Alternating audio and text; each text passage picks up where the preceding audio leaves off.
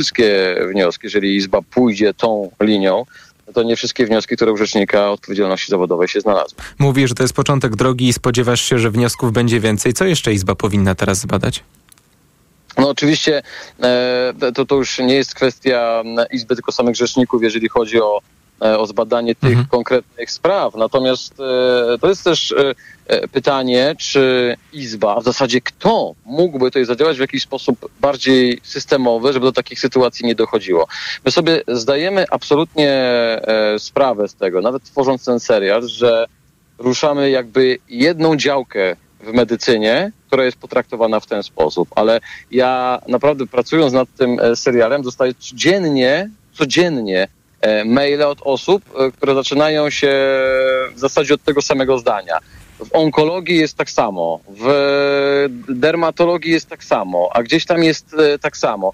E, To pokazuje, jak duża jest skala e, naruszeń e, pewnego no, takiego porządku, w którym to naukowcy decydują o tym, co jest medycyną, a co tą medycyną nie jest. E, takiego porządku, w którym rzeczywiście lekarze stosują e, wiedzę medyczną. Ja nie chcę tutaj znowu budować obrazu, że my mamy e, nie wiem, jakąś, jakąś plagę i jest tych lekarzy, nie wiem, 50-60%, e, bo pewnie to jest jakiś promil, tak? Tych wszystkich, którzy solidnie pracują na co dzień, leczą nas, pomagają nam bardzo często stanąć na nogi. I to jest też ważne, że Izba się tym zajmuje, no bo chodzi też o to, żeby to wszystko nie uderzało właśnie w tych solidnie pracujących lekarzy, a to też daje nam wtedy poczucie tego, że jeżeli rzeczywiście idziemy do jakiegoś gabinetu lekarskiego, to wiemy, z kim się spotykamy, wiemy, na co możemy liczyć i nie musimy sprawdzać, czy ten ktoś stosuje sprawdzone metody, czy metody o nieudowodnionej skuteczności i chce po prostu od nas wyciągnąć pieniądze. Michał Janczura, który przygotowuje serial, serial radiowy Podziemie. Dziękuję Ci bardzo. Dziękuję bardzo, miłego Se- wieczoru. życzę. Serial, pierwsze trzy odcinki Podziemia tak naprawdę są do wysłuchania na TOK FM.pl i w naszej aplikacji mobilnej i do tej sprawy z pewnością będziemy wracać. Teraz w TOK 360 zaglądamy do prognozy pogody dla właściwie całego świata, bo w ostatnich tygodniach ekstrema i anomalie stały się dla mieszkańców naszej planety no niemalże chlebem powszednim. Po kilku dniach e, przerwy do Włoch wracają upały i ostrzegające przed nimi alerty Ministerstwa Zdrowia ogłaszane są dla kolejnych miast. W niedzielę pomarańczowy alarm obowiązywać będzie w 10 największych miastach w kraju, m.in. w Rzymie, Katanii i Palermo. Oznacza to, że wysokie temperatury sięgające 38 stopni stanowią zagrożenie przede wszystkim dla zdrowia osób starszych, chorych i dzieci. Po gwałtownej burze, jaka przeszła nad Bałkanami, rząd w Zagrzebiu zapowiedział, że przeznaczy 20 milionów euro na pilną pomoc i naprawy tysięcy uszkodzonych obiektów. W Chorwacji z powodu nawałnicy zginęły cztery osoby i były setki rannych. Ekstremalne upały nękają też dużą część Stanów Zjednoczonych. W tym tygodniu temperatury dochodziły tam do 48 stopni. Prezydent Joe Biden ogłosił, że jego eksperci szacują koszty upałów dla USA na 100 miliardów dolarów rocznie, a skutki kanikuły uderzają oczywiście w najbiedniejszych. Joe Biden chce teraz uściślenia regulacji mających chronić pracowników przed nadmierną pracą w upale, a także lepiej pilnować egzekwowania dotychczas obowiązujących norm. W Polsce w, tego, w ten weekend temperatury zdecydowanie do zniesienia do 25-27 stopni. Trochę słońca, trochę opadów, no ale nie ma co się łudzić. Również nie jesteśmy gotowi na kryzys klimatyczny. Naukowcy w piśmie Nature Sustainability przedstawili listę państw, które powinny wdrożyć plany adaptacyjne, bo znacząco odczują wzrost temperatury i jesteśmy na tej liście na 21 miejscu. Specjaliści ostrzegają, że wkrótce instytucje również w Polsce będą musiały no, masowo inwestować w rozmaite systemy chłodzenia. Dzisiejsze piątkowe posiedzenie Sejmu miało być ostatnim w tej kadencji parlamentu. W kalendarzu przed jesiennymi wyborami parlamentarnymi nie było już zaplanowanych kolejnych obrad i głosowań, ale Prawo i Sprawiedliwość zmieniło zdanie. Rządzący na połowę sierpnia zaplanowali kolejne dwudniowe posiedzenie. Powodów jest kilka. Opowie o nich teraz reporter TOK FM Maciej Kluczka. E, Maciek, e, powiedz proszę jeszcze o trwającym dziś posiedzeniu Sejmu. Jakie ważne decyzje podjęli dziś posłowie i posłanki? Kluczową decyzją było przyjęcie nowelizacji do ustawy o komisji, która ma badać rosyjskie wpływy w Polsce. Nowelizację przygotował prezydent, więc gdy teraz trafi na jego biurko, Podpis Andrzeja Dudy jest wręcz pewny. Przypomnijmy, ustawę nazywaną Lex Tusk, bo wprost wymierzoną w głównego konkurenta PiSu prezydent najpierw podpisał, ale gdy sojusznicy Polski za granicą wyrazili zaniepokojenie burzeniem w Polsce zasady trójpodziału władzy, Andrzej Duda postanowił zapisy ustawy zmiękczyć. Między innymi wykreślając zapis o zakazie pełnienia funkcji publicznych dla osoby uznanej za ulegającej rosyjskim wpływom. Teraz taka osoba uzyska, w cudzysłowie, jedynie negatywną opinię komisji. Ale to i tak sąd kapturowy, dla którego w państwie prawa nie może być miejsca, podkreśla senator Krzysztof Kwiatkowski. To ustawa nawet po nowelizacji prezydenta jest ustawą, która stoi w rażącej sprzeczności z konstytucją, przepisami prawa krajowego i międzynarodowego. Komisja początkowo miała być pomysłem PiSu na tegoroczną kampanię wyborczą i już 17 września miał być wydany pierwszy raport z jej prac. Przez przeciągające się prace nad ustawą to już raczej niemożliwe, ale poseł PiSu Piotr Kaleta ma nadzieję, że na dodatkowym posiedzeniu Sejmu, zwołanym, o czym już wspomnieliśmy, na połowę sierpnia, uda się powołać członków komisji. Teraz jest czas dla wszystkich, dla Prawa i Sprawiedliwości, ale także dla klubów opozycyjnych, żeby przedstawić swoich kandydatów, którzy mogliby wejść w tą komisję,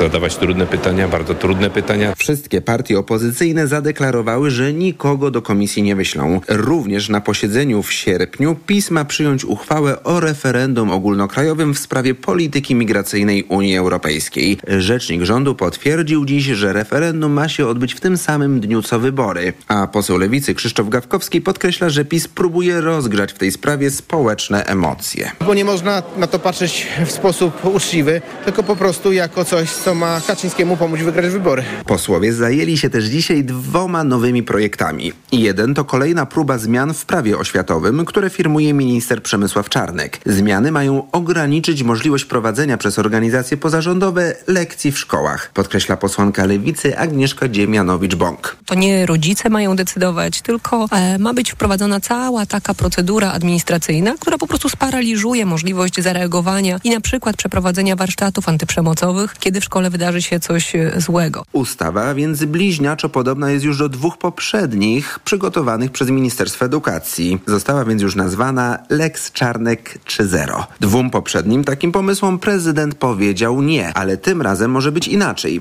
dlatego że do Sejmu wpłynęła inna ustawa autorstwa prezydenta. Chodzi o przepisy, które mają dać e, prezydentowi większe kompetencje w polityce unijnej, co dla PiSu w razie przegranych wyborów jesiennych byłoby sposobem na ograniczenie polityki nowego rządu. Według posła Koalicji Obywatelskiej Arkadiusza Myrchy doszło tu do umowy. Andrzej Duda ma zgodzić się na ustawę Przemysława Czarnka, a PiS sprawnie przegłosuje ustawę kompetencyjną. Dzisiaj będzie tych e, wspólnych działań prezydenta i kancelarii czy, czy, czy PiSu będzie dużo, bo przed nami jest kampania i aktywny udział prezydenta, którego oczekuje PiS, więc e, tego typu dealów, czy ustawowych, czy personalnych, pewnie będzie więcej i pewnie się okaże, że niedługo ludzie prezydenta także będą na listach wyborczych PiSu.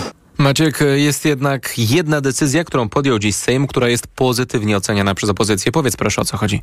Tak, to sprawa, o której dużo mówiliśmy w TOK FM, czyli rozwiązanie znane w wielu krajach jako Serious Case Review. To przepisy, które nakazują służbom we współpracy z organizacjami pozarządowymi badać przypadki śmierci dzieci spowodowanych przemocą, po to, by uniknąć takich dramatów w przyszłości. Ustawa została przegłosowana na fali wzburzenia po dramacie ośmioletniego Kamila z Częstochowy, który we własnym domu był maltretowany i zmarł. Rozwiązania ustawy chwali Renata Szredzińska z Fundacji Dajemy Dzieciom Siłę. To nie jest koniec drogi. Dla nas to jest tak naprawdę dobry początek. Na podstawie właśnie tych rozwiązań, które zostały przyjęte, będziemy mieć dane, co dalej trzeba poprawiać. I tak myślę, że weszliśmy na taką drogę samouczącego się państwa, poprawiającego się państwa w tym zakresie. Ale wiele do poprawy jest na przykład w ściganiu przez państwo procederu nielegalnego składowania niebezpiecznych odpadów. O tym też było dziś w Sejmie i była to dyskusja bardzo burzliwa, a wywołał ją niedawny pożar takiego składowiska koło Zielonej Góry. To był Maciej Kluczka z Sejmu. Dziękuję Ci bardzo. Wydarzeniom w Sejmie nadal będziemy się przyglądać, bo jeszcze dziś wieczorem wspomniana ustawa o prawie oświatowym i głosowanie nad wnioskiem opozycji o odrzucenie projektu w całości. I jeszcze przed Sejmem się będzie działo, ale o tym opowiemy w TOK 360 około 18.50. Podsumowanie dnia w Radiu TOK FM. Mieszkanie Serhija Cichanowskiego, opozycjonisty i męża Światłany Cichanowskiej zostało sprzedane przez białoruski reżim. Trzypokojowy lokal został kupiony na aukcji, był zarekwirowany od kilku miesięcy. Światłana Cichanowska, liderka białoruskiej opozycji, została zmuszona do wyjazdu z kraju w 2020 roku. Jej mąż został kilkanaście miesięcy później skazany na 18 lat kolonii karnej za rzekome przygotowywanie antyrządowych zamieszek. Przedtem zamierzał kandydować w wyborach prezydenckich. Po jego aresztowaniu jego miejsce zajęła właśnie Światłana Cichanowska. E, przypomnijmy, według oficjalnych danych zdobyła 10% głosów w wyborach w sierpniu 2020 roku, podczas gdy Łukaszenka 80%. Ewidentne fałszerstwa doprowadziły wtedy do największych protestów w historii Białorusi i do ostrych represji, które trwają do tej pory. Ich ofiarami są m.in. Andrzej Poczobut, ale i na przykład skazany przedwczoraj dziennikarz Paweł Marzejka i adwokatka Julia Jurchilewicz, która dostarczała mu informacje. Oboje usłyszeli wyrok 6 lat kolonii karnej za, cytat, sprzyjanie ekstremizmowi. Tak sytuację na Białorusi w Światopodglądzie w TOK FM tłumaczył Aleksy Dzikawicki, wicenaczelny telewizji Białsat machina tych represji, ona się nie zatrzymuje y, bez względu na to, że już niedługo minie trzy lata po protestach na Białorusi. Coraz głębiej kopają i, i, i po prostu y, wyciągają ludzi, którzy na przykład już od lat nie pracują w dziennikarstwie. Ostatnio został zatrzymany Igor Karniej z Radio Swoboda, który też y, już od lat nie pracuje jako dziennikarz, ale został zatrzymany na, na, na 10 dni, aresztowany i nie wpuszczono go wczoraj z aresztu. No, już założono kryminalną, jakby sprawę kryminalną. Po prostu już wsadzono wszystkich, kogo było można, kto nie wyjechał. No i teraz e, szukają tych ludzi głębiej, dlatego że no, muszą po prostu odpracowywać swoje pieniądze i swoje przywilegie. Na Białorusi jest w tej chwili około półtora tysiąca więźniów politycznych. Są trzy nowe zarzuty przeciwko Donaldowi Trumpowi w sprawie przetrzymywania przez niego tajnych dokumentów. Śledczy zarzucają byłemu prezydentowi, że wraz z dwoma podwładnymi nakazał skasowanie zapisu z kamer monitoringu, by ukryć go przed prokuraturą. Za niszczenie dowodów grozi 20 lat więzienia. Do tego te zarzuty i nowe zeznania rzucają też więcej światła na całą sprawę, mówił w połączeniu w TOK FM profesor Radosław Rybkowski z Instytutu Amerykanistyki i Studiów Polonijnych Uniwersytetu Jagiellońskiego. A z tego monitoringu absolutnie wynika, że w czasie tego przenoszenia dostęp do dokumentów miały osoby absolutnie nigdy w życiu nieuprawnione do e, posiadania dostępu do tych dokumentów. Czy tutaj nakłada się jeszcze dodatkowy e, zarzut e, właśnie udzielania czy, czy, czy pozwalania na dostęp do tajnych dokumentów osobom, które absolutnie nigdy nie otrzymały uprawnień do stykania się z danymi tajnymi, ściśle tajnymi itd., tak itd. Tak Natomiast dla samych Amerykanów kluczowe jest to, Zresztą tak jak kiedyś tam przy Watergate, mm, jednym z kluczowych zarzutów stawianych Nixonowi to było po prostu próba e, manipulowania dowodami, czyli usuwania, kasowywania zapisów nieudostępniania zapisów rozmów, e, które były prowadzone w Białym Domu, no tutaj zaczyna się pojawiać podobnie, czyli próba manipulowania zebrane, czy materiałem, który miał być wykorzystany w toczącym się już postępowaniu. Do tej pory Donald Trump usłyszał 37 zarzutów związanych z tym, że miał po opuszczeniu Białego Domu przechowywać w swojej posiadłości dokumenty dotyczące m.in. broni jądrowej i słabych punktów obrony USA. Sztab Trumpa twierdzi, że postępowanie jest motywowane politycznie. A w Hiszpanii rozpoczęło się ponowne liczenie głosów oddanych w niedzielę w lokalach wyborczych podczas głosowania do parlamentu. Do przeliczenia są karty od dwóch milionów e, Hiszpanów. Mogą okazać się kluczowe dla powołania nowego rządu, bo dotyczą obsadzenia dziewięciu mandatów. Wątpliwości co do tego, jak głosy zostały przeliczone za pierwszym razem ma nacjonalistyczna partia Vox, która w przedwyborczych sondażach miała o wiele lepszy wynik niż w samym głosowaniu. Mimo rosnącej popularności ostatecznie uzyskała kilkanaście mandatów mniej niż teraz. Kierownictwo tej partii chce wglądać w dokumenty ze wszystkich lokali wyborczych. TOK 360 Generał Omar Tchiani ogłosił się nowym przywódcą Nigru w zachodniej Afryce. Wojskowy oświadczył to w państwowej telewizji. Generał Tchiani, dotychczasowy dowódca Straży Prezydenckiej, która w środę uwięziła w pałacu prezydenta Mahmuda Bazuma, uzasadniał pucz pogorszeniem się sytuacji bezpieczeństwa w kraju zagrożonym ze strony dżihadystów. I to jest oficjalna wersja, ale rzeczywistość jest raczej bardziej prozaiczna, uważa Wojciech Jagielski z Tygodnika Powszechnego. Przejął władzę, wygląda na to dlatego, że urzędujący prezydent e, Mohamed Bazum usiłował go zwolnić z posady. Mm. Obydwaj panowie są mniej więcej w tym samym wieku, 60 parę lat, tuż przed emeryturą. Obydwaj są starymi znajomymi, bo w, e, w rządzie poprzedniego prezydenta Bazum był ministrem policji, a generał Ciani był, był dowódcą gwardii prezydenckiej.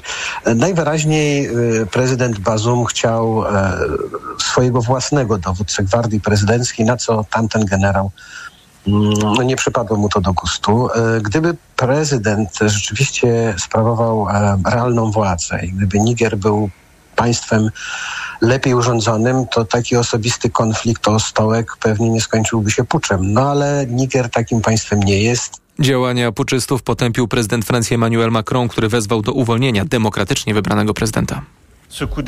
Ten zamach stanu jest bezprawny i bardzo niebezpieczny dla Nigru, jego mieszkańców i całego regionu. Przewrót potępiają też m.in. Stany Zjednoczone. Prezydent Bazoum był pierwszym w historii Nigru, który przejął władzę w sposób demokratyczny. Ostatnie wydarzenia rząd Kenii nazwał wielkim krokiem wstecz dla całej Afryki. Trwają ostatnie prace nad filmem Chłopi, przygotowanym przez twórców nagradzanego na całym świecie Twojego Vincenta. Film będzie miał światową premierę, jak ogłoszono w tym tygodniu na festiwalu w Toronto we wrześniu, a w październiku w Gdyni premiera polska. D.K. Welchman, współodpowiedzialna za scenariusz i reżyserię filmu, który najpierw został odegrany, a potem odmalowany przez ponad setkę artystów, tak by powstała animacja nawiązująca do stylu Młodej Polski, opowiadała w kulturze osobistej o różnicach między Twoim Vincentem i chłopami. Twój Vincent bazował na malarstwie Vincenta van Gogha i to był punkt wyjścia. Punktem wyjścia były obrazy, które służyły nam jako inspiracja do napisania scenariusza. Scenariusza, który będzie mógł się posługiwać bardzo konkretnymi obrazami, czyli pewne sytuacje w scenariuszu, pewne historie zostały mm, wymyślone do, y, i stworzone do obrazów. W przypadku mm, chłopów y, jest y, zupełnie odwrotnie, czyli stworzyliśmy scenariusz oparty na wspaniałej powieści Raymonta, i tutaj e, przede wszystkim takim kręgosłupem tego filmu była historia i to wokół niej e, powstały obrazy. Nie mieliśmy takiej sytuacji, gdzie mieliśmy gotowe obrazy, które podpowiadały nam kanwę fabularną, tylko do tej e, właśnie fabuły tworzyliśmy obrazy, które, które wydały nam się najbardziej słusznym takim odpowiednikiem plastycznym. Kamila Urzędowska wcieliła się w filmie Wiagnę, Robert Gulaczek-Wandka, Mirosław Baka zagrał Borynę, na ekranie również Ewa Kasprzyk, Małgorzata Kożuchowska, Sonia Bohesiewicz. Tyle kultury w tej części TOK 360. Sprawdźmy jeszcze, jaka będzie pogoda w ten weekend. Pogoda. Sobota będzie ciepła, nie przesadnie ciepła. Na zachodzie 27 stopni, 26 na wybrzeżu, w centrum i na południowym wschodzie około 25. Będzie też raczej pochmurno i popadać może w całym kraju. Co więcej, możliwe też będą burze, miejscami intensywne, zwłaszcza na północy. Tam też możliwy grad. W niedzielę cały czas temperatury właśnie w okolicach 26 stopni, ale będzie już o wiele więcej słońca, opady jedynie na krańcach zachodnich. Radio TOK FM. Pierwsze radio informacyjne. TOK 360. A za kilka chwil będzie z nami Piotr Andrusieczko z Gazety Wyborczej i porozmawiamy o rozwoju sytuacji na froncie w Ukrainie, a także o najnowszych doniesieniach z Rosji. Reklama. Coraz taniej w delikatesach centrum. Mleko Kanka UHT 3,2%, litr tylko 2,49, a olej kujawski litr 6,99. Oferty obowiązują od soboty do poniedziałku z delikartą przy zakupie innych produktów za minimum 49 zł. Delikatesy Centrum. Tanio to tu. California Summer w KFC. Padaj na kubełek dla jednej osoby z wielką dolewką i sosem orange już od 14,99. Nie przegap kubełka dla jednej osoby z dodatkami od 14,99. Tylko w KFC. Barbara, mhm. przez cały weekend będzie naprawdę gorąco. A co ty sprawdzasz pogodę, Marian? Kody rabatowe w Media Expert sprawdzam. Gorący weekend z kodami rabatowymi w Media Expert. Tyle teraz słychać o wszawicy. Co robić? Zuzia też złapała, ale kupiłam w aptece sprawdzony lek. Sora Forte. Sora Forte? Tak, to jedyny taki szampon leczniczy. Jest łatwy w użyciu i już po 10 minutach zwalcza wszy. Sora Forte. Ekspresowy lek na wszawicę. Sora Forte. Permetriną 10 mg na mililitr. Wszawica głowowa u osób w wieku powyżej 3 lat. Przeciwwskazania na wrażliwość na którąkolwiek substancję inne piretroidy, pyretryny. Aflofarm. Przed użyciem zapoznaj się z treścią lotki dołączonej do opakowania, bądź skonsultuj się z lekarzem lub farmaceutą, gdyż każdy lek niewłaściwie stosowany zagraża Twojemu życiu lub zdrowiu. Reklama. TOK 360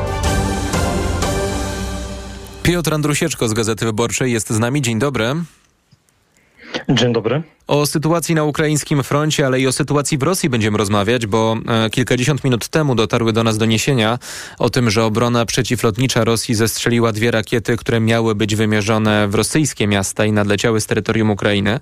Jednak choć rakiety, to są wciąż oficjalne informacje, zostały unieszkodliwione, to ich szczątki spadły na Taganrog nad Morzem Azowskim.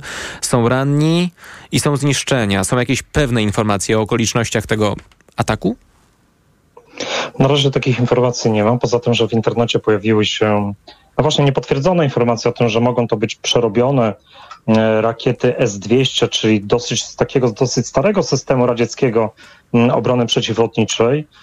E, czyli no taka broń, którą na masową skalę używa Rosja do mhm. ataków na miasta ukraińskie, te, które znajdują się bliżej linii frontu od, no, od lutego ubiegłego roku, czyli od samego początku rosyjskiej inwazji. E, czyli to e, prowadzi do jakichś e, oczywiście wstępnych konkluzji, że to niekoniecznie był atak ukraiński.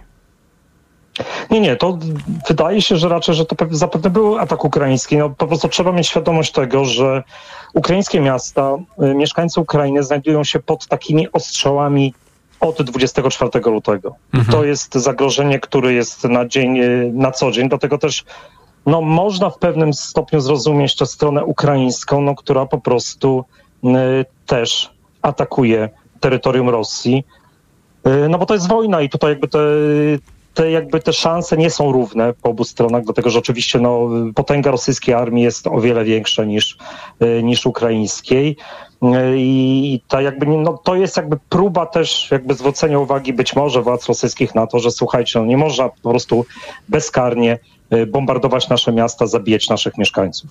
Do sytuacji cywilów w Ukrainie, a także żołnierzy na froncie wrócimy za parę minut, ale skoro jesteśmy w Rosji, to chciałbym jeszcze nawiązać do e, innego incydentu, o którym e, informowały rosyjskie media w tym tygodniu i nawet dziś rano. Dwa razy resort obrony w Moskwie w tym tygodniu i mer miasta Siergiej Sobianin e, informowali o atakach dronów na rosyjską stolicę. Czy tutaj wiemy coś pewnego. Nie, to też oczywiście nie ma tutaj żadnego potwierdzenia ze strony ukraińskiej, natomiast no to znowu to jest jakby, powracamy do tego samego tematu. Znaczy mhm. to nie jest pierwszy atak na e, stolicę Rosji. E, to jest to, o czym e, Ukraińcy mówią, że jeżeli wy atakujecie nasz kraj, to musicie mieć pełną świadomość tego, że ta wojna będzie przeniesiona na wasze terytorium. To jest jakby, no i to jest, to są próby jakby przeniesienia tej właśnie wojny również na terytorium Rosji, no, która jest tutaj odpowiedzialna za to, dlatego że to ona zaatakowała Ukrainę i zazwyczaj tak to też bywa w wojnach, że jeżeli ty rozpoczynasz wojnę, to musisz liczyć z tym, że ona również przyjdzie do twojego domu. Że się rozleje. To incydenty oczywiście. Jednocześnie trwa ukraińska kontrofensywa, na temat której i tutaj też czy realnie cokolwiek wiemy, bo docierają do nas dawkowane przez resort obrony Ukrainy głównie informacje o niewielkich postępach na kilku odcinkach frontu, o sukcesach pod Bachmutem, o odpieraniu ataków Rosjan w okolicach Kupiańska, gdzie walki są bardzo ciężkie, o przełamywaniu linii obrony sił Moskwy na odcinku zaporowskim na południu i czy z tych właśnie szczątkowych informacji, a także z informacji z ostatnich kilku tygodni można stworzyć jakiś obraz tego, jak wygląda sytuacja na wschodzie i południu Ukra Ukrainy i jak e, kontrofensywa się rozwija? O ten obraz jest zróżnicowany, dlatego że jeżeli weźmiemy sobie wschód Ukrainy, to znaczy dwa obwody, przede wszystkim obwód y, doniecki, też y, fragment obwodu ługańskiego i też niewielki fragment obwodu charkowskiego, y, no to tutaj mamy aktywne działania w, wojenne, które no nie zakończyły się, znaczy one nie miały przerwy, dlatego że jak pamiętamy, tym takim centralnym punktem tych działań był Bachmut. I co ciekawe, mimo tego, że armii rosyjskiej udało się wejść do tego miasta w maju, to walki toczą się cały czas wokół niego i raczej nie na korzyść strony rosyjskiej. To znaczy tutaj rzeczywiście Ukrai stronie ukraińskiej udało się przejąć inicjatywę na tym odcinku frontu. Y, I w zasadzie, jeżeli tak dalej będzie będzie przebiegała ta, e, te działania będą przebiegały w tym miejscu, no to Rosjanom w zasadzie może grozić okrążenie w samym Bachmucie. Natomiast no, trochę gorzej właśnie wygląda sytuacja e, w kierunku Kupiańska i w kierunku Łymanne. To, są takie, to jest taki północno-wschodni kawałek frontu, gdzie rzeczywiście w ostatnich tygodniach to Rosjanie atakują. E, tam toczą się ciężkie walki i, i ukraińska strona się broni. Natomiast jeżeli chodzi o ten kierunek zaporowski, czy ten kierunek główny ofensywy, ukraińskiej ofensywy, o której się mówi od e, początku czerwca, no tutaj widzimy e, małe, ale jednak postępy. I rzeczywiście i ta informacja, która dobiegła wczoraj o wyzwoleniu kolejnej miejscowości. To jest akurat zachodnia, zachodnio-południowa część obwodu donieckiego, tuż przy granicy z obwodem zaporowskim i, i chodzi o wieś staromajorskie. No to, to jakby pokazuje, że nie zważając na ogromne problemy, z którymi się styka ukraińska armia, jakby tutaj idąc w tym kierunku, dlatego że mam, mają oni tam do czynienia z, z dużymi polami minowymi, mhm. z umocnieniami, które Rosjanie budowali przez wiele miesięcy, to jednak udaje im się y, krok po kroku y, jakby tutaj również zdobywać terytorium. A jednocześnie trwają regularne ostrzały Odesy, przede wszystkim nad Morzem Czarnym, miasta portowego kluczowego dla umowy zbożowej, z której Rosja wycofała się w zeszłym tygodniu. Pan pisał wczoraj w Wyborczej o tym, że Rosja chce zamienić Morze Czarne w swoje wewnętrzne rosyjskie jezioro. Tylko, że czy to jak bardzo może doprowadzić do dalszej eskalacji, biorąc pod uwagę, że no Bułgaria, Rumunia i Turcja należą do NATO, też mają, y, też znajdują się nad Morzem Czarnym i szczególnie Turcja może stawiać spory opór. To musi być ze strony Rosji chyba bardzo delikatna operacja. No i pytanie właśnie, teraz powinniśmy się bardzo przyglądać Sojuszowi Północnoatlantyckiemu. No właśnie, wydaje mi się, że jakby no, chyba nie mamy już jakby tutaj złudzeń co do tego, czy Rosja w ogóle może działać w jakikolwiek delikatny, jakkolwiek delikatny. Mhm. To znaczy tutaj widzimy, że raczej jeżeli Rosji się odpuszcza, to niestety ona idzie dalej. I to jest jakby pytanie właśnie do, głównie do tego, co zrobi Sojusz Północnoatlantycki. Niestety tutaj ukraińscy eksperci mówią, że jakby te działania, odpowiedź samego NATO jest zbyt w tej sytuacji jest zbyt łagodna i Rosjanie to po prostu wykorzystują. Natomiast no, rzeczywiście y, też jest pewna nadzieja ze strony niektórych ukraińskich ekspertów y, co do Turcji, dlatego że Turcja oczywiście ma swoje interesy, ma ona je również y, w basenie Morza Czarnego i być może ona po prostu nie zgodzi się właśnie na, y, na, na taką całkowitą blokadę morską Ukrainy na Morzu Czarnym. No i też pamiętajmy, że Turcja ma pewne takie narzędzie w postaci, bloko, postaci jakby kontroli Bosforu, więc jakby tutaj też może jest to oczywiście ograniczone umowami, ale no może tutaj w jakiś sposób oddziaływać. Więc no to jest pytanie głównie właśnie do NATO i, i do Turcji, co dalej zrobić, w jaki sposób się przeciwstawić Rosji y, właśnie już na Morzu Czarnym. Przedstawiciele państw członkowskich NATO uparcie twierdzą, że NATO jest zjednoczone jak nigdy i że szczyt NATO w Wilnie kilkanaście dni temu e, zakończony pokazał, jak bardzo jest zjednoczone. Wczoraj mówili o tym Joe Biden i Giorgia Meloni w Białym Domu, natomiast no, z perspektywy e, właśnie i Ukrainy i ostatnich kilku tygodni to, to, to, to, to jest trochę do podważenia, prawda? To znaczy, jak jeśli spojrzymy chłodno na ustalenia szczytu NATO w Wilnie, no to to nie świadczy dokładnie o sile i takiej potędze sojuszu. No tu rzeczywiście tutaj no, trzeba ocenić po pierwsze jakby to, co szczyt NATO zrobił dla Ukrainy. I tutaj rzeczywiście jakby ukraińscy eksperci no, uważają, że po prostu za mało, dlatego że przede wszystkim zabrakło tego zdecydowania w postaci zaproszenia Ukrainy mhm. do, do NATO.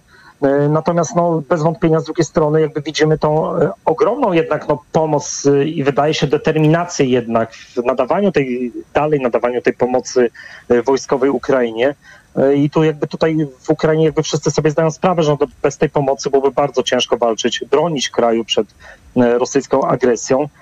Dlatego no, powiedzmy, że ten, ten jakby ten rezultat szczytu samego w Wilnie dla Ukrainy on jest taki połowiczny. To znaczy nic historycznego się nie wydarzyło, ale z drugiej strony no, zostały podjęte jednak ważne decyzje i chociażby na przykład y, została powołana Rada y, Ukraina-NATO, no, która mhm. w tym tygodniu obradowała właśnie y, w, w kwestii jakby tego, co się dzieje na Morzu Czarnym, ataków rosyjskich na ukraińskie porty. Ale czy były jakieś efekty tych obrad? No, na razie jest taki, taki rzeczywisty efekt, efekt, to jest wzmocnienie obserwacji i zwiadu e, ze strony właśnie Paktu Północnoatlantyckiego na, na obszarze e, Morza Czarnego. No, to oczywiście tak naprawdę nic nie da konkretnie jakby tutaj Ukrainie, jeżeli chodzi o podołanie tej e, rosyjskiej blokady. No ale z, zobaczymy, bo dlatego, że rzeczywiście, tak jak pan wspominał, no tutaj to, to jest bezpośrednie już zagrożenie dla, mhm. dla NATO, dlatego że podczas jednego z ostatnich ataków na port e, na jeden z ukraińskich portów został uszkodzony również statek e, Rumunii. Ten, I ten atak odbył się w bezpośredniej bliskości granicy rumuńskiej, więc rzeczywiście to jest już takie konkretne zagrożenie dla, dla również dla państw NATO, które znajdują się w obszarze Morza Czarnego. Bardzo dziękuję. Piotr Andrusieczko z Gazety Wyborczej był z nami do sytuacji w Ukrainie, do sytuacji na Morzu Czarnym, do sytuacji w Rosji. Oczywiście będziemy regularnie wracać w Radiu TOK FM. Zbliża się godzina 18.32, a za kilka minut będzie z nami Jakub Wiech, redaktor naczelny portalu Energetyka24 i porozmawiamy o tym, czy w Polsce i w powstanie i jak będzie wyglądał magazyn odpadów radioaktywnych. Reklama. Wiadomość z ostatniej chwili. W salonach Toyoty rusza właśnie sezonowa wyprzedaż. Stylowe, oszczędne i niezawodne samochody tej japońskiej marki dostępne są teraz w wyjątkowo niskich cenach, atrakcyjnym finansowaniu oraz z korzyścią nawet do 22 tysięcy złotych. Można je także dostać, uwaga, niemalże od ręki. Trzeba się jednak spieszyć, bo ta niesamowita oferta może się niedługo skończyć. Zapraszamy do salonów Toyoty. Szybkie i tanie remontowanie? Masz to w Brico. Dla budujących, dla remontujących i dla urządzających. W Brico Marsze jest wszystko, czego potrzebujesz w naprawdę niskich cenach. Na przykład teraz przewód YDYP 3 razy 1,5 długość 100 metrów za 229 i regał stalowy skręcany 5 półek, nośność półki 220 kg za jedyne 129, a raty 0% masz w Brico przez cały rok. Brico Marsze. Jak zawsze najtaniej. Disney Plus. W wakacje zanurz się w świecie filmu Awatar Istota Wody. Mamy siebie i to nas uratuje. Poznaj od kuchni atmosferę knajpy z DBR. I zaszalej jak Strażnicy Galaktyki Volume 3 od Marvel Studios. To co, gotowi? Disney Plus to więcej niż możesz sobie wymarzyć. Tak to w skrócie wygląda. Wymagana subskrypcja. Szczegółowe warunki na disneyplus.com. Do Biedronki idę, bo znowu obniżyli regularne ceny kolejnych produktów. Teraz w Biedronce znowu jeszcze niższe regularne ceny kolejnych produktów. Na przykład jaja z ściółkowego Moja Kurka 10 sztuk rozmiar L 9,29 za opakowanie. Kiełbasa śląska Kraina Wędlin 550 gramów 12,49 za opakowanie. Śmietanka kremówka UHT 36% mleczna Dolina 500 gramów 9 zł 4 grosze za opakowanie. Więcej szczegółów na biedronka.pl Lato to słońce, upał i dużo ruchu na świeżym powietrzu. Upały to nie są żarty. Osłabienie, ciągłe pragnienie i brak energii wraz z potem możesz stracić cenne elektrolity i minerały. Potrzebujesz orzeźwienia. Litorsal. Suplement diety nawadnia, szybko gasi pragnienie, utrzymuje prawidłowy poziom płynów i elektrolitów podczas upałów i wysiłku fizycznego. Litorsal. Dostępny w aptekach. Zdrowit. Jak sobota to... Dwulitrowa Pepsi za złotówkę. Naprawdę. Już w tę sobotę zrób zakupy w Lidlu za minimum 149 zł i odbierz orzeźwiającą dwulitrową Pepsi za złotówkę. Szczegóły oraz informacje o artykułach wyłączonych z akcji w sklepach oraz na www.lidl.pl. Gotowi na wakacje? No to jedziemy. Wyznaczam trasę. Droga będzie kręta i górzysta. Oj, niedobrze. Dla zachowania komfortu podróży kup dzieciom Lokomotiv. Lokomotiv to sprawdzone i bezpieczne rozwiązanie na podróż z dobrym samopoczuciem. Dzieci czują się dobrze i nie są senne. Z Lokomotivem bezproblemowo dotarłeś do celu. Pastelki do ssania oraz suplementy diety, drażetki i syrop już dla trzylatków. Lokomotiv. Niezastąpiony w czasie podróży. Wyciąg z kłącza imbiru pomaga utrzymać komfort lokomocyjny. Aflofarm. Wiadomość od Toyoty. Już ponad 50 tysięcy polskich kierowców przystąpiło do nowego programu gwarancyjnego Toyota Relax. Wybrali jakość i fachowość autoryzowanego serwisu Toyoty, a dodatkowo zyskali pełen komfort z nową gwarancją od Toyoty. Gwarancję tę otrzymasz po przeglądzie Relax w autoryzowanym serwisie. Program dla aut do 10 lat i z przebiegiem nie wyższym niż 185 tysięcy kilometrów. Zapraszamy! Reklama. TOK 360. Jakub Wiech, redaktor naczelny portalu Energetyka24 jest z nami. Dzień dobry. Dzień dobry panu, dzień dobry państwu. Polska Agencja Atomistyki, pytana przez Polską Agencję Prasową, ogłosiła, że w naszym kraju planowana jest budowa składowiska powierzchniowego dla odpadów promieniotwórczych. I to jest pewnie naturalne, skoro w niedalekiej przyszłości ma u nas powstać pierwsza elektrownia atomowa. Przygotowania do tej inwestycji trwają. Ale moment takiego ogłoszenia w chwili, w której uwaga mediów i polityków skupiona jest na składowiskach odpadów, często toksycznych odpadów, to nie jest chyba moment korzystny z punktu widzenia PR-u.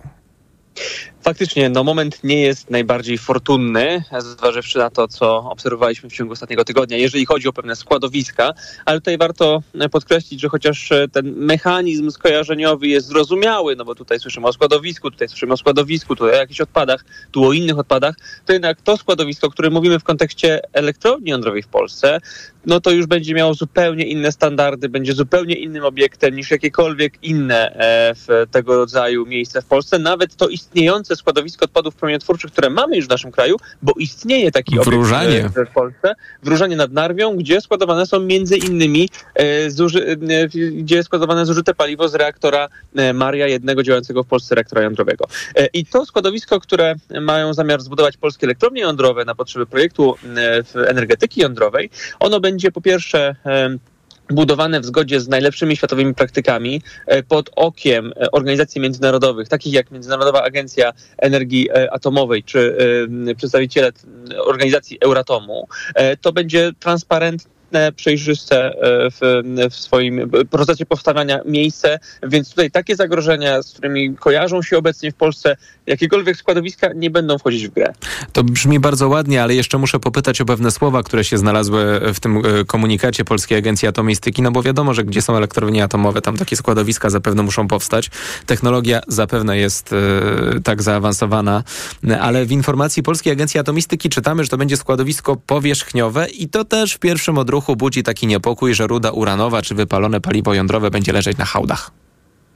To nie jest możliwe. To składowanie odpadów radioaktywnych w tym konkretnym przypadku wypalonego paliwa jądrowego jest ściśle regulowane, jeżeli chodzi o swoją formę. Jest poddawane wielu zarówno krajowym, jak i międzynarodowym regulacjom i ono, tak mówiąc zupełnie szczerze, może być nawet estetyczne, bo mamy przykłady na przykład ze Szwajcarii, gdzie działa składowisko Cwilak, które jest, jeżeli ktoś lubi minimalizm, nawet estetycznym miejscem, to zużyte paliwo jądrowe jest bowiem zatapiane w warstwie szkła, w warstwie betonu i potem wsadzane specjalne kontenery, które są umiejscawiane w odpowiednim przygotowanym do tego w miejscu, to, powierzchniowość wskazuje na to, że to będzie obiekt naziemny. Nie będziemy tutaj wykorzystywać na przykład kawern czy innych pokładów podziemnych, bo takie składowiska też są na świecie dostępne i tak też składowano zużyte paliwo jądrowe. To będzie obiekt właśnie napowierzchniowy, naziemny, który będzie odpowiednio zabezpieczony, będzie nieustannie monitorowany, będzie poddawany rygorystycznym kontrolom, zarówno na etapie już samego projektowania, bo tutaj chodzi przede wszystkim o warunki sejsmiczne, warunki geologiczne, ale także na jeżeli chodzi o swoją zwykłą, e, zwykłą pracę, e, więc to będzie obiekt niesamowicie zabezpieczony. Tak jak w ogóle elektrownie jądrowe poddawane są niezwykle wysokim standardom zabezpieczeń, tak też no, obiekty składowania zużytego paliwa jądrowego również takim procedurom są poddawane. Zainteresowało mnie to, co pan mówił o estetycznych walorach składowiska w Szwajcarii. To rozumiem, że są tam organizowane jakieś wycieczki i to jest miejsce otwarte dla turystów częściowo? To miejsce generalnie nie jest otwarte, nie, nie można go zwiedzać, natomiast są składowiska, które można oglądać, że tak to ujmę. Można przy okazji na przykład wizyty w poszczególnych elektrowniach jądrowych w, w określonych lokalizacjach, bo niekiedy takie są organizowane właśnie w ramach oswajania z, z energetyką jądrową. Można zobaczyć, jak wygląda takie składowisko i to jest obiekt, który z takiego powiedzmy punktu widzenia zewnętrznego obserwatora zupełnie nie przypomina składowiska mhm. czegoś takiego jak wypalone paliwo jądrowe. Tam nie ma takich charakterystycznych dla filmów czy komiksów żółtych beczek z zaznaczonym symbolem promieniowania. Tam są e, duże pojemniki e, właśnie e, zbudowane ze specjalnych powłok. W środku jest szkło, żelazo i, i beton i w nich zatopione jest zużyte paliwo jądrowe. I to wygląda zupełnie niegroźnie właśnie z perspektywy takiego powiedzmy laika zewnętrznego obserwatora, który widzi ten obiekt po raz pierwszy. I może to być właśnie, tak jak mówiłem, jeżeli ktoś lubi taki brutalizm w architekturze albo minimalizm, może być to nawet całkiem estetyczne. Wspomniał pan, że mamy już jedno takie składowisko, Krajowe Składowisko Odpadów Promieniotwórczych w Różanie w Mazowieckim, 90 km od Warszawy. No i ono jest wybudowane w fortach pamiętających jeszcze czasy Królestwa Polskiego. No i to teraz jest pytanie, jak się adaptuje taką przestrzeń i co znajduje się w środku. E, tutaj, jeżeli chodzi o składowisko w Różanie, to jest to składowisko odpadów krótko i średniookresowych, więc to, e, to są e, substancje kilka rzędów niżej, jeżeli chodzi o pewne standardy bezpieczeństwa w stosunku do paliwa, które pochodziłoby z działających elektrowni jądrowych. Natomiast adaptacja takiego obiektu nie jest wcale bardzo trudna, bo tutaj chodzi tylko o to, żeby po pierwsze zabezpieczyć je przed działaniem czynników zewnętrznych, atmosferycznych, czy, czy sejsmicznych, ale też oczywiście poddać tą, ten obiekt monitoringowi, tak żeby nikt niepowołany mm, nie dostał się na, na, na, jego teren. No i tutaj warto wskazać, że składowisko w działa już od 1961 roku i w tym czasie nikomu nie wyrządziło żadnej krzywdy, nie spowodowało żadnego zagrożenia ani dla środowiska, ani dla zdrowia e, ludzi, czy, czy, e, czy zwierząt, czy dla, dla lokalnych e, właśnie mieszkańców.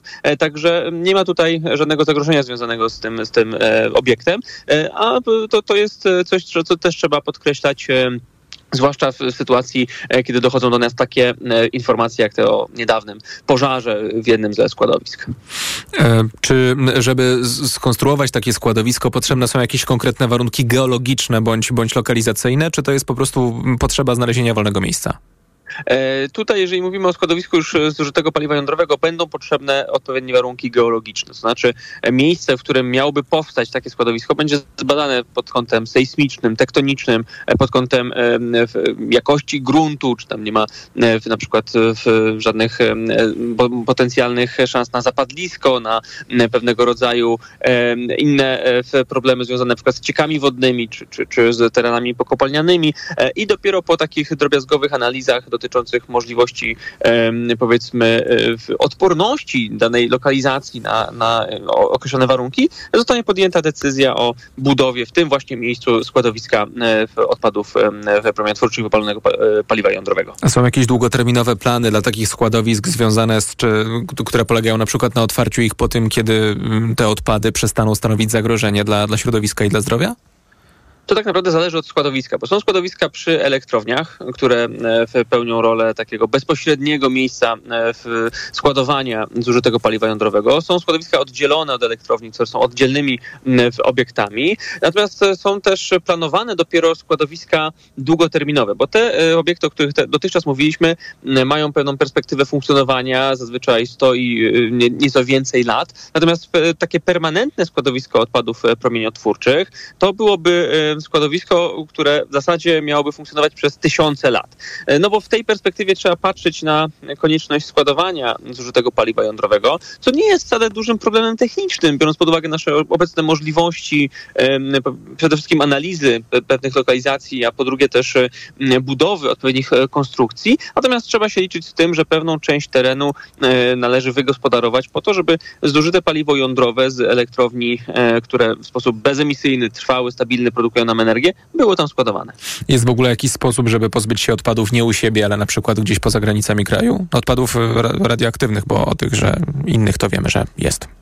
Można to robić, można e, składować zużyte paliwo jądrowe poza granicami swojego kraju. Zazwyczaj jednak e, państwa, które wdrażają energetykę jądrową e, u siebie starają się mm, nie eksportować tych odpadów, bo to jest po pierwsze kosztowne, po drugie to jest też mm, proces, który może budzić jakieś społeczne protesty, chociaż oczywiście też warto podkreślić, że transport zużytego paliwa jądrowego nie wyrządził nigdy w historii żadnej, żadnej szkody. Natomiast takie składowisko no, upraszcza tę ten, całą, całą sytuację, tę całą procedurę i daje daje też pewne możliwości w rozwoju energetyki e, jądrowej, e, no bo trzeba pamiętać, że elektrownie jądrowe produkują pewną frakcję zużytego paliwa. Oczywiście duża część e, tego, co powstaje w, reaktorach jądrowych podczas zachodzenia tam reakcji łańcuchowej, to można recyklingować, można ponownie użyć w, ten, pręty paliwowe i wsad, który jest w nich umiejscowiany. Natomiast tę część, której się już nie da recyklingować, której nie da się ponownie wykorzystać, wykorzystać na przykład do reaktorów prędkich, czy do e, stworzenia paliwa tak zwanego MOX, no to trzeba to, to składować. I to jest właśnie ta frakcja, o której tutaj mówimy w kontekście naszych e, składowisk. Bardzo dziękuję. Jakub Wiech, redaktor naczelny portalu Energetyka24 był z nami. E, za chwilę w TOK 360 Wiktor Chęciński, aktywista z inicjatywy Wschód i Greenpeace i porozmawiamy o tym, co będzie działo się dzisiaj przed Sejmem. A dzisiaj przed Sejmem, jeśli pogoda dopisze, wiele ludzi będzie tańczyć.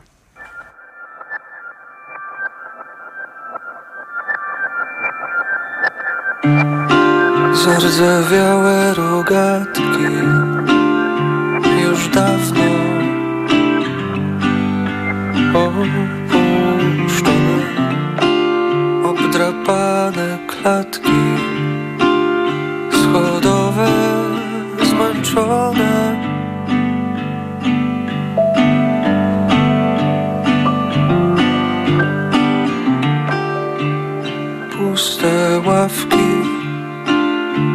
Nastroje wzruszone.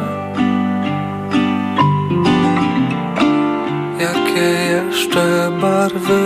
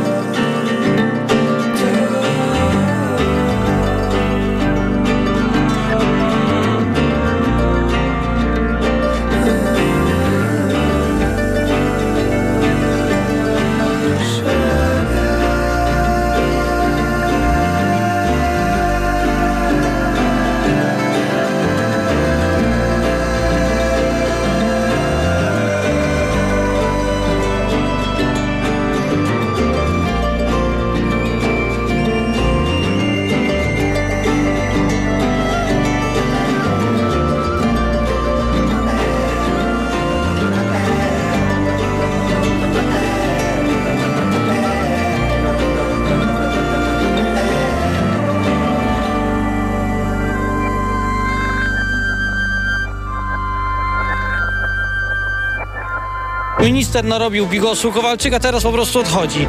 I jeszcze w jakim stylu? Mówi, że przez Unię Europejską, zamiast powiedzieć wprost, że nie dał rady tej sytuacji podołać i jest y, tej sytuacji winny i odchodzi. Co to dla nas zmienia? Teraz y, kto zostanie ministrem? Nie wiem, kto jest w stanie teraz ten burdel posprzątać. Naprawdę nie wiem.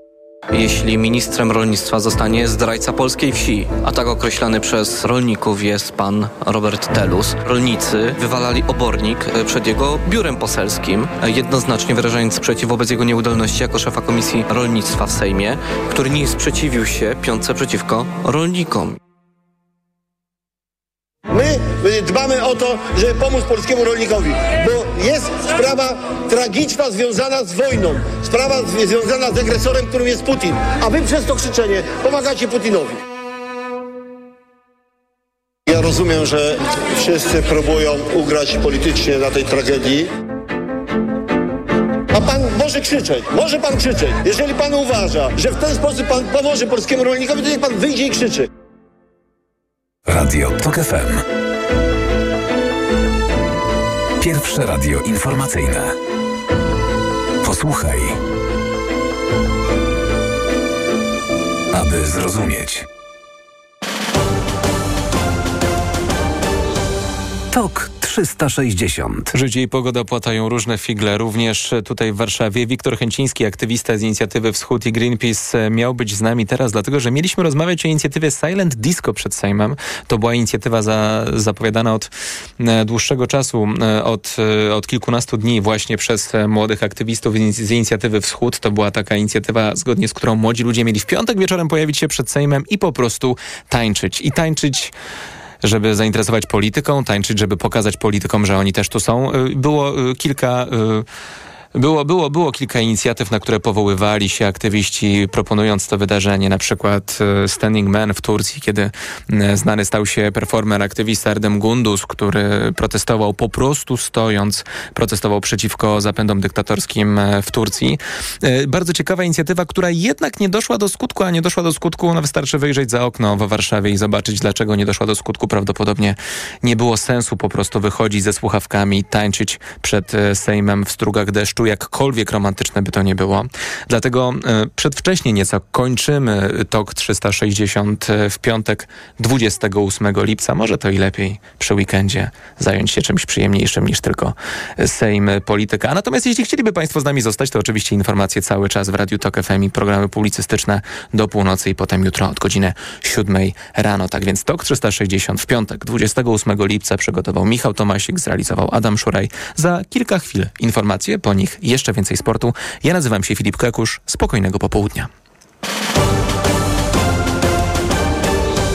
TOK 360 Widać wyraźnie, że w kwietniu ubiegłego roku nie chodziło o głodną Afrykę i Bliski Wschód, tylko przede wszystkim chodziło o wsparcie dużych koncernów międzynarodowych na Ukrainie w sprzedaży produktów żywnościowych, które czasowo były zablokowane przez blokadę na Morzu Czarnym. Miesiącami zapewnialiście, że wszystko jest pod kontrolą, że zboże z Ukrainy nie wjeżdża, że jest kontrolowane. Tymczasem wjechało zboże techniczne. To wy zafundowaliście dzisiaj Polakom, nam wszystkim, że jemy w naszym polskim chlebie chleb z mąki z mielonymi z robakami, robakami, które przyjechały w zbożu technicznym.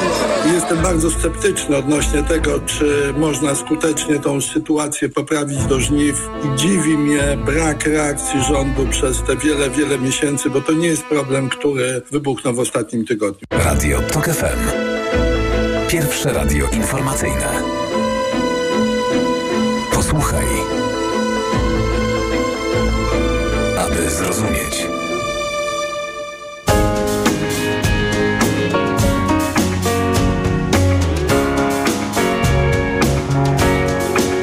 Well, I'm grinding my life out, steady and sure.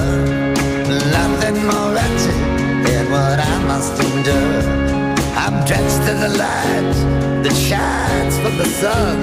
I could stone you to death for the wrongs that you've done. Sooner or later, you'll make a mistake. I put you in a chain that you never would break. Legs and arms and body and bone.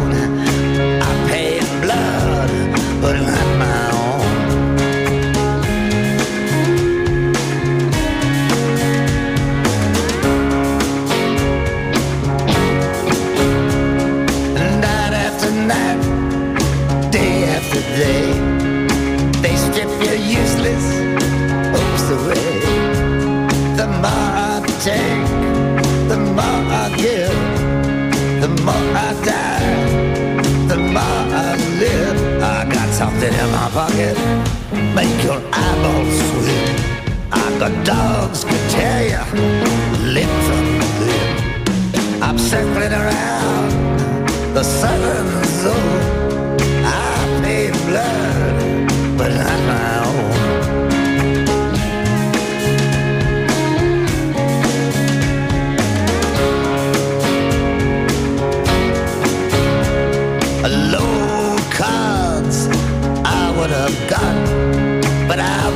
Hand whether I like it or not. I'm sworn to uphold the laws of God. You can't put me out in front of a fire squad. I've been out and around with a riding bed, just like you, my handsome friend. heart must be made of stone. I pay blood, but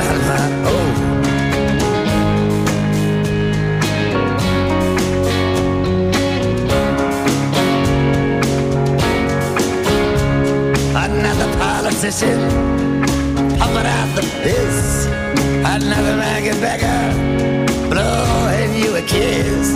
You've got the same eyes that your mother does. If only you could prove who your father was.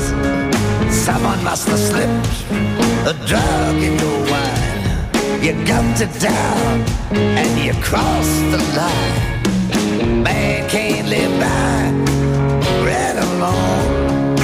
I've been blood, but not my own.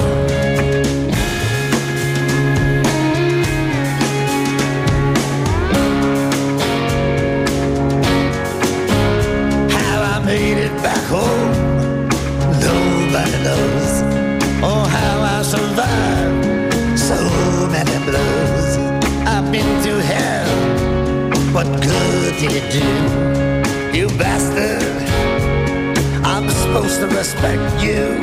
I'll give you justice, I'll fatten you first. Show me your moral virtue first. Hear me holler, hear me move. I'll pay in blood,